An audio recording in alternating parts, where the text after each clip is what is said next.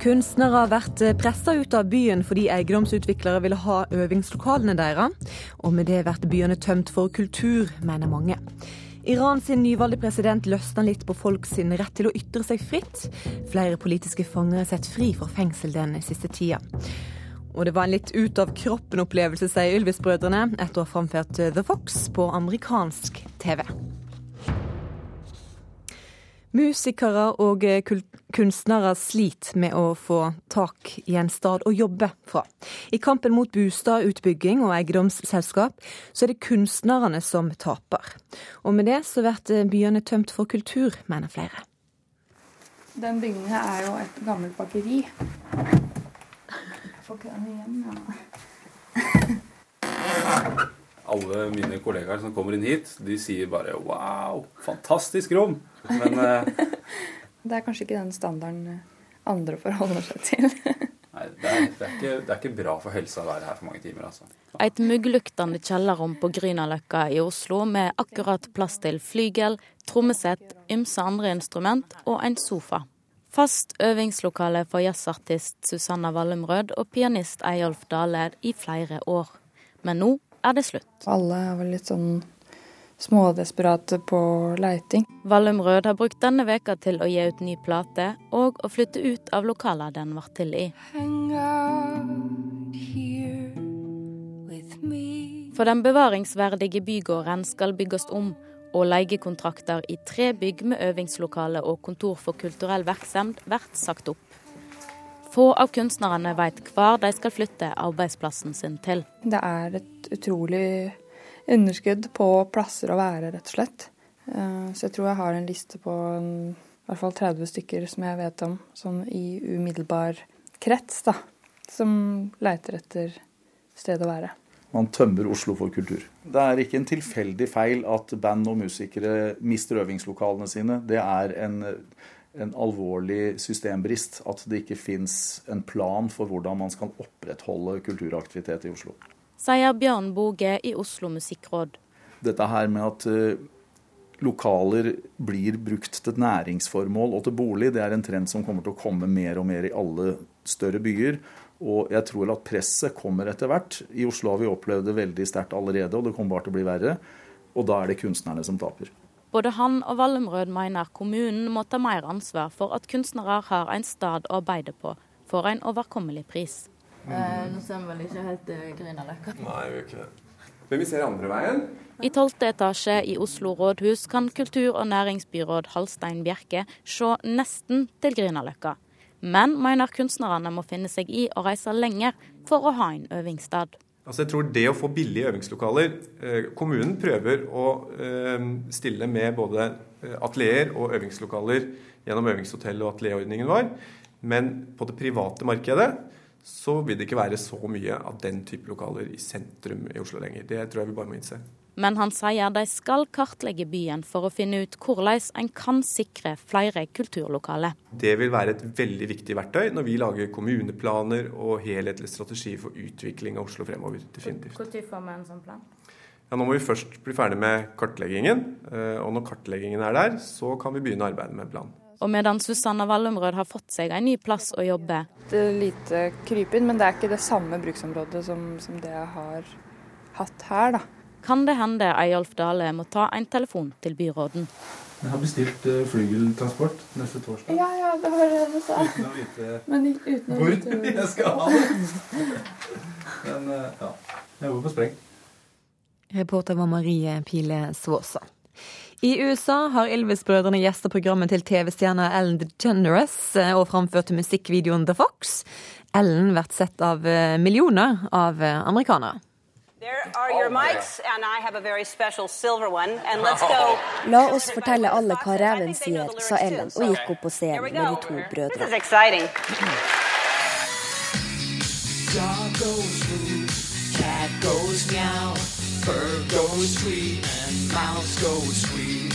Fredag ettermiddag amerikansk tid blir showet sendt på TV. Ellen var tydelig fornøyd etter å ha sunget sammen med nordmennene, som ikke hadde revekostyme på under synginga.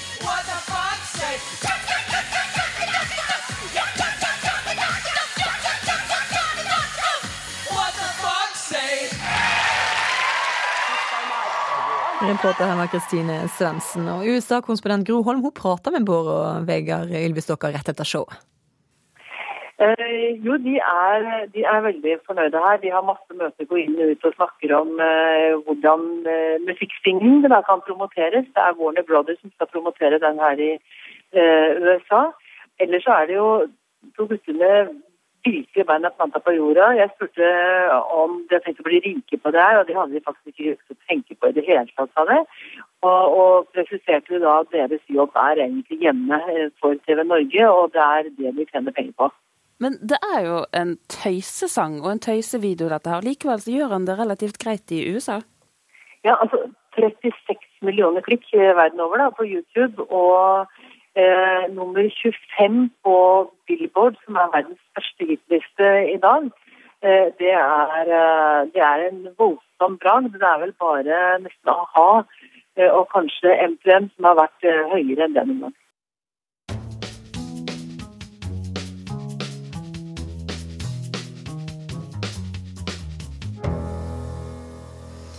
Jo Nesbø sine bøker om, om oppfinneren doktor Proktor er solgt i over 800 eksemplarer i 35 ulike land. Nå har den første boka, doktor Potkors prompepulver, blitt teater. Hør bare her. Å nei! Hva var det? Du prompet! Var det en promp? Ja.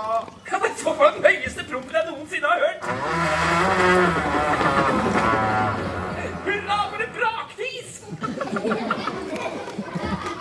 Dette er ikke noe for barn. Jo, det er det vel! Alle barn liker da promping. For noe tøys. Promp lukter vondt. Ikke disse. Disse er luktfrie. Bare kjenn. Kritiker Karen Frøsland Nystøl, du var på upremiere av dette stykket på Riksteatret i går. Hva tykte du om all prompinga? jo, den, den, var fantasifull, vil jeg si. Det var Altså dette, vi, snakker jo, vi snakker jo seriøs uh, luftavgang her. Det er ikke promping bare for moro skyld. Det har jo en, uh, en funksjon. Den, det redder jo mye, dette prompepulveret, etter hvert. Så det er noen, um, noen virkelig brak man hører, som, som man husker.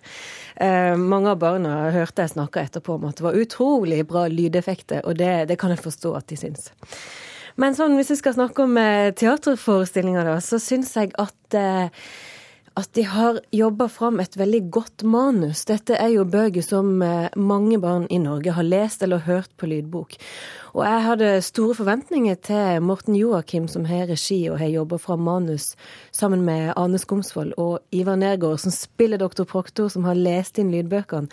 Og det de har klart, som jeg syns er så fint, det er at de har laga en forestilling der bøkene er gjenkjennelige menn på teatret sine premisser. Og det syns jeg er godt gjort. Eh, de har, og Scenografien er full av leik og helt tydelig viser at dette er fiksjon. Den minner om Per Dybvig sine illustrasjoner. Og det er, det er duka for moro og tant og fjas. Og det, det er sånn sånn en sånn forestilling egentlig bør være, syns jeg. Men hvordan har de tatt det fra boka og inn på teaterscenen? Hvordan har det fungert? De har laga seg et univers som er basert mye på gråpapir og papp, og så tegnes det på universet. Rekvisittene, telefonrør, er store laga i gråpapir og tegna på. Pulveret er en, en papirflaske med, med, noe grønt innhold. Det, det, viser ikke en tegneserieverden, men det viser en fiksjonsverden som barn lett kan gå inn i og tenke dette er gøy, dette er moro. Her, her har vi, om ikke et eventyr, så har vi en, en virkelighet som er utenfor det vi opplever til vanlig. Og det som løfter forestillinga, vil jeg si, er at de har et enmannsorkester på scenen. Trompetist eh, Ole Jørn Myklebust sitter med et utall antall duppeditter og, og, instrumenter og spill. Altså han lydlegger når Lise og Bulle, hovedpersonene, går bortover, så er det en lyd for hvert skritt. Og når prompene kommer, så er det selvfølgelig han som står for dem. Eh, men de klarer òg å gjennom Myklebust-ensemblet og utvide teaterleiken ved at, de, ved at han plutselig blir en del av handlinga. At man skiller ikke mellom han der som man ikke skal se, som sitter der bak og spiller. Han er plutselig med. Og det, det skjønner barna, det skjønner vi voksne. De, de, bryter noen grenser som er veldig fine å bryte, og det gjør det til en litt annerledes teateropplevelse. En, en morsommere teateropplevelse, fordi de våger seg på sånne ting i en veldig enkel form. Vi hørte jo barna le her. Hvordan er det med de voksne? Eh, jeg lo mye.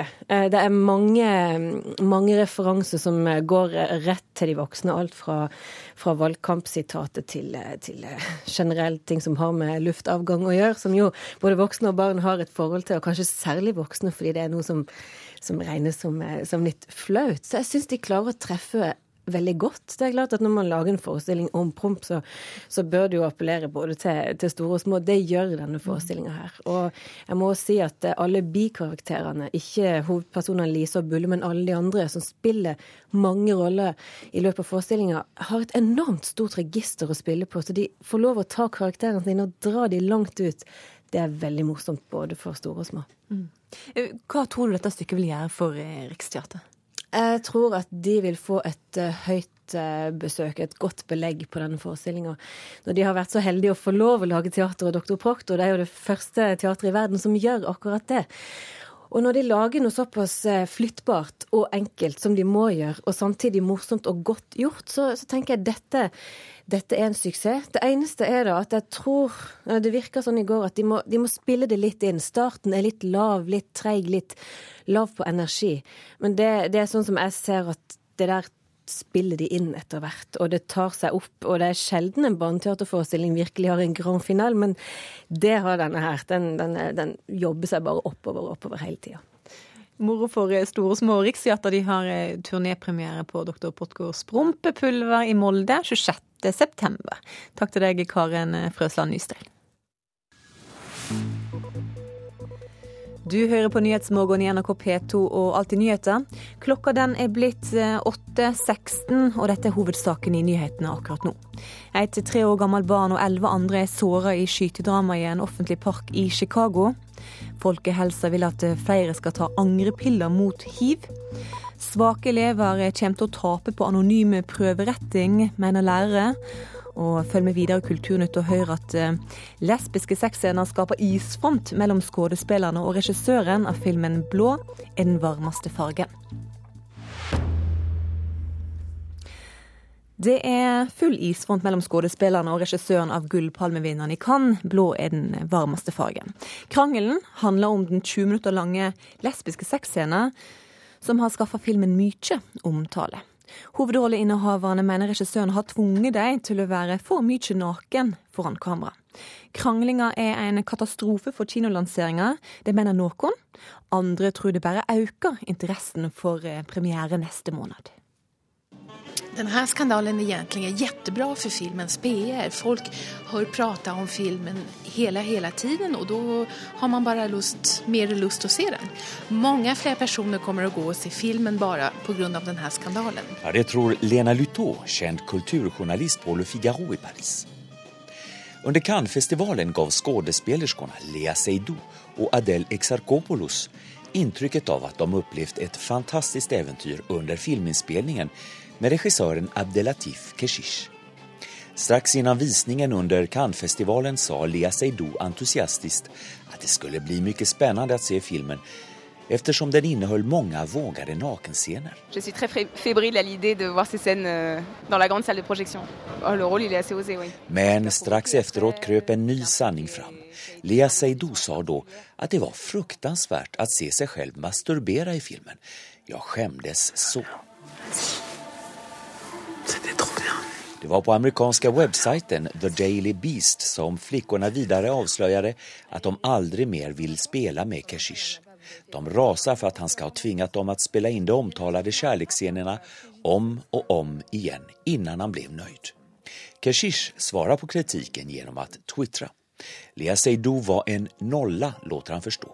Hon klarade inte av att spela rollen och därför fick jag ta om de lesbiska kärleksscenerna flera gånger, skriver han.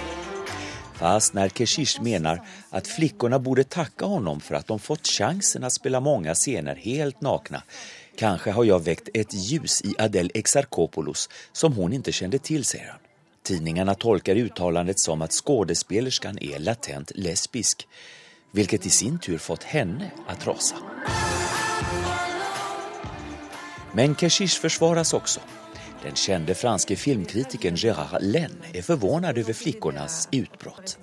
Han säger till Kulturnytt att de hade ju läst manus innan inspelningen De visste alltså om att det skulle bli mycket naket. Då är det väl bättre att reagera innan filminspelningen än efteråt, tycker kritikern Gérard Lenn. Masturbation, c'est gentil. Oui, on peut dire ça. Så frågan är om det finns en stor förlorare efter all polemik. De båda skådespelerskorna eller regissören. Lena Lytå på Le Figaro säger vad hon tror. Ja, det kan bli svårt för Keshish för han kommer att få svårt att hitta pengar och hitta folk som gärna vill jobba med honom. Reporter var Johan Tolgert i Paris, og filmen har norsk premiere i november. Ti tonn med resirkulert papir er bare noe av det vi får presentert når tre svenske kunstnere får fritt spillerom i bomullsfabrikken Kunsthall i Arendal. Og dagen før dagen så er det et kontrollert kaos å spore blant de tre. Det skrus, spikres og monteres på bomullsfabrikken Kunsthall i Arendal. Og ikke minst repareres, ifølge kunstner Kajsa von Seipel. Som alltid etter en transport og en montering så fins det noe man må retusjere. Og nå løsner det dessverre en liten fingertopp. Å oh, nei! Ja, det er ingen fare. jeg er van. Det hender alltid noe. Så jeg holder på å sette fast den og skal fikse til delingene på det her største verket som jeg har med i utstillingen. Bedsin kalles den. Von Seipel er med sine svenske kolleger en del av det nordiske samarbeidet som bomullsfabrikken er en del av. Kurator Jeanette Steinsland, som opprinnelig er fra Haugesund, er henta inn fra et av de mest prestisjetunge samtidsgalleriene i Stockholm for å presentere svensk samtidskunst for sørlendingene. Faktisk så tenker jeg jo ikke bare på Sørlandet, jeg tror jeg tenker liksom Norge når jeg får komme til Arendal, fordi det er en så stor og viktig kunsthall med så fantastisk store rom. Så eh, i utgangspunktet var det at jeg hadde lyst til å ta den samtida svenske kunstscenen til Norge for å vise det som pågår der. Og da, eh, når jeg fikk invitasjon til å gjøre en utstilling, så så jeg min mulighet å eh, invitere med meg noen av de kunstnerne som jeg syns er mest spennende akkurat nå på den svenske samtidskunstscenen. Men det er bare kvinner? Er det, er det med vilje? Nei. Det, det er sterke kunstnere som jobbe med et uttrykk som jeg er fascinert av. Anastasia Aks sjekker ut de tolv pallene med resirkulert papir som står foran oss. Det er mye papir som vi gjør. Helt utrolig. Ti tonn med papir skal hun bygge opp før hun i en voldsom performance går berserk og slår sitt eget verk i stykker. Nei, men Det kommer fungere som en, som en, en motor i min performance. Så jeg kommer förhålla mig till dem och eh, de här balarna och även till min publik. Så att det, kommer, det här verket kommer liksom förändras under min performance. Och det är resten efter min performance som kommer bli själva installationen sen. I et tredje rom lager bl.a. kunstner Åsa Sederquist skulpturelle såpestykker laga av resirkulert fett blanda sammen med skitne, hypnotiske bilder fra et avløpsrenseanlegg. Og jeg syns det er så interessant at tvål består av fett som er en avlag, altså som er smuts. Det er det liksom ytterste smutset på noe sett. Og det er det vi tvättar oss med. Og jeg syns det er kul at det liksom er den tydelige kretsloppstanken av at saker henger ihop. Og det jobber jeg mye med. Det er det største arbeidet jeg har, det er å komponere den sammansättningen. Och du har kontroll? Det, jag har kontroll. Ja. Fast jag lovar dig, jag älskar att jobba med just icke-kontroll. Det är det som är en av mina mest bästa grenar. Ja. Det är liksom en otroligt härligt material. Att så våga vara i icke-kontroll. Men jag har kontroll, ja visst. Det sa kunstneren Åsa Cederquist til reporter eh, Mary McDonald.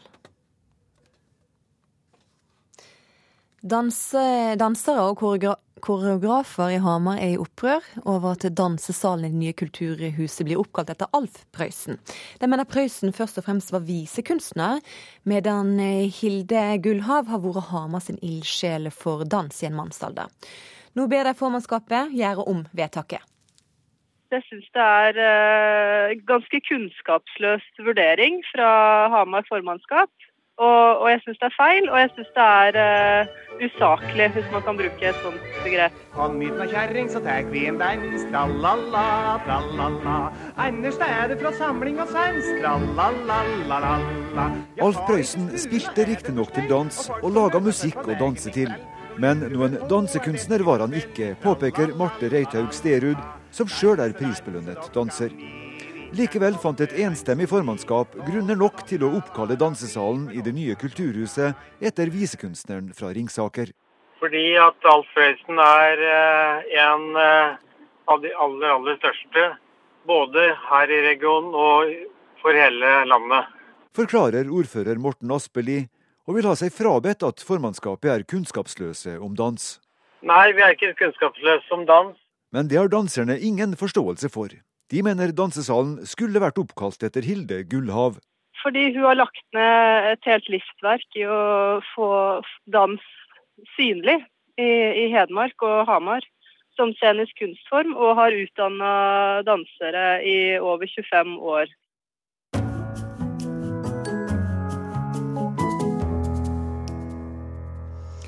Det kan se ut som at Irans nye president løsner litt på retten til å snakke fritt.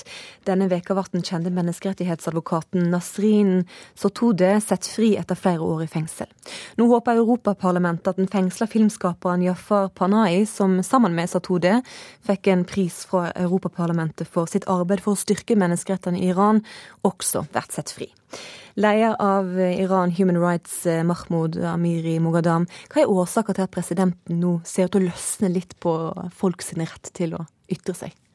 Det vi må huske er at presidenten i Iran har ikke så stor makt, verken når det strammer eller når, de, når det løsner seg. Så, så, det er nok den øverste leder som har kommet eh, frem til at eh, etter flere års eh, isolasjon, og særlig det at sanksjonene har rammet regimet, så vil de løsne litt på sanksjonene først og fremst. Og snart skal presidenten til New York, og der vil de sende ham Eh, ikke tomhendt for å få ham tilbake, eh, heller ikke tomhendt.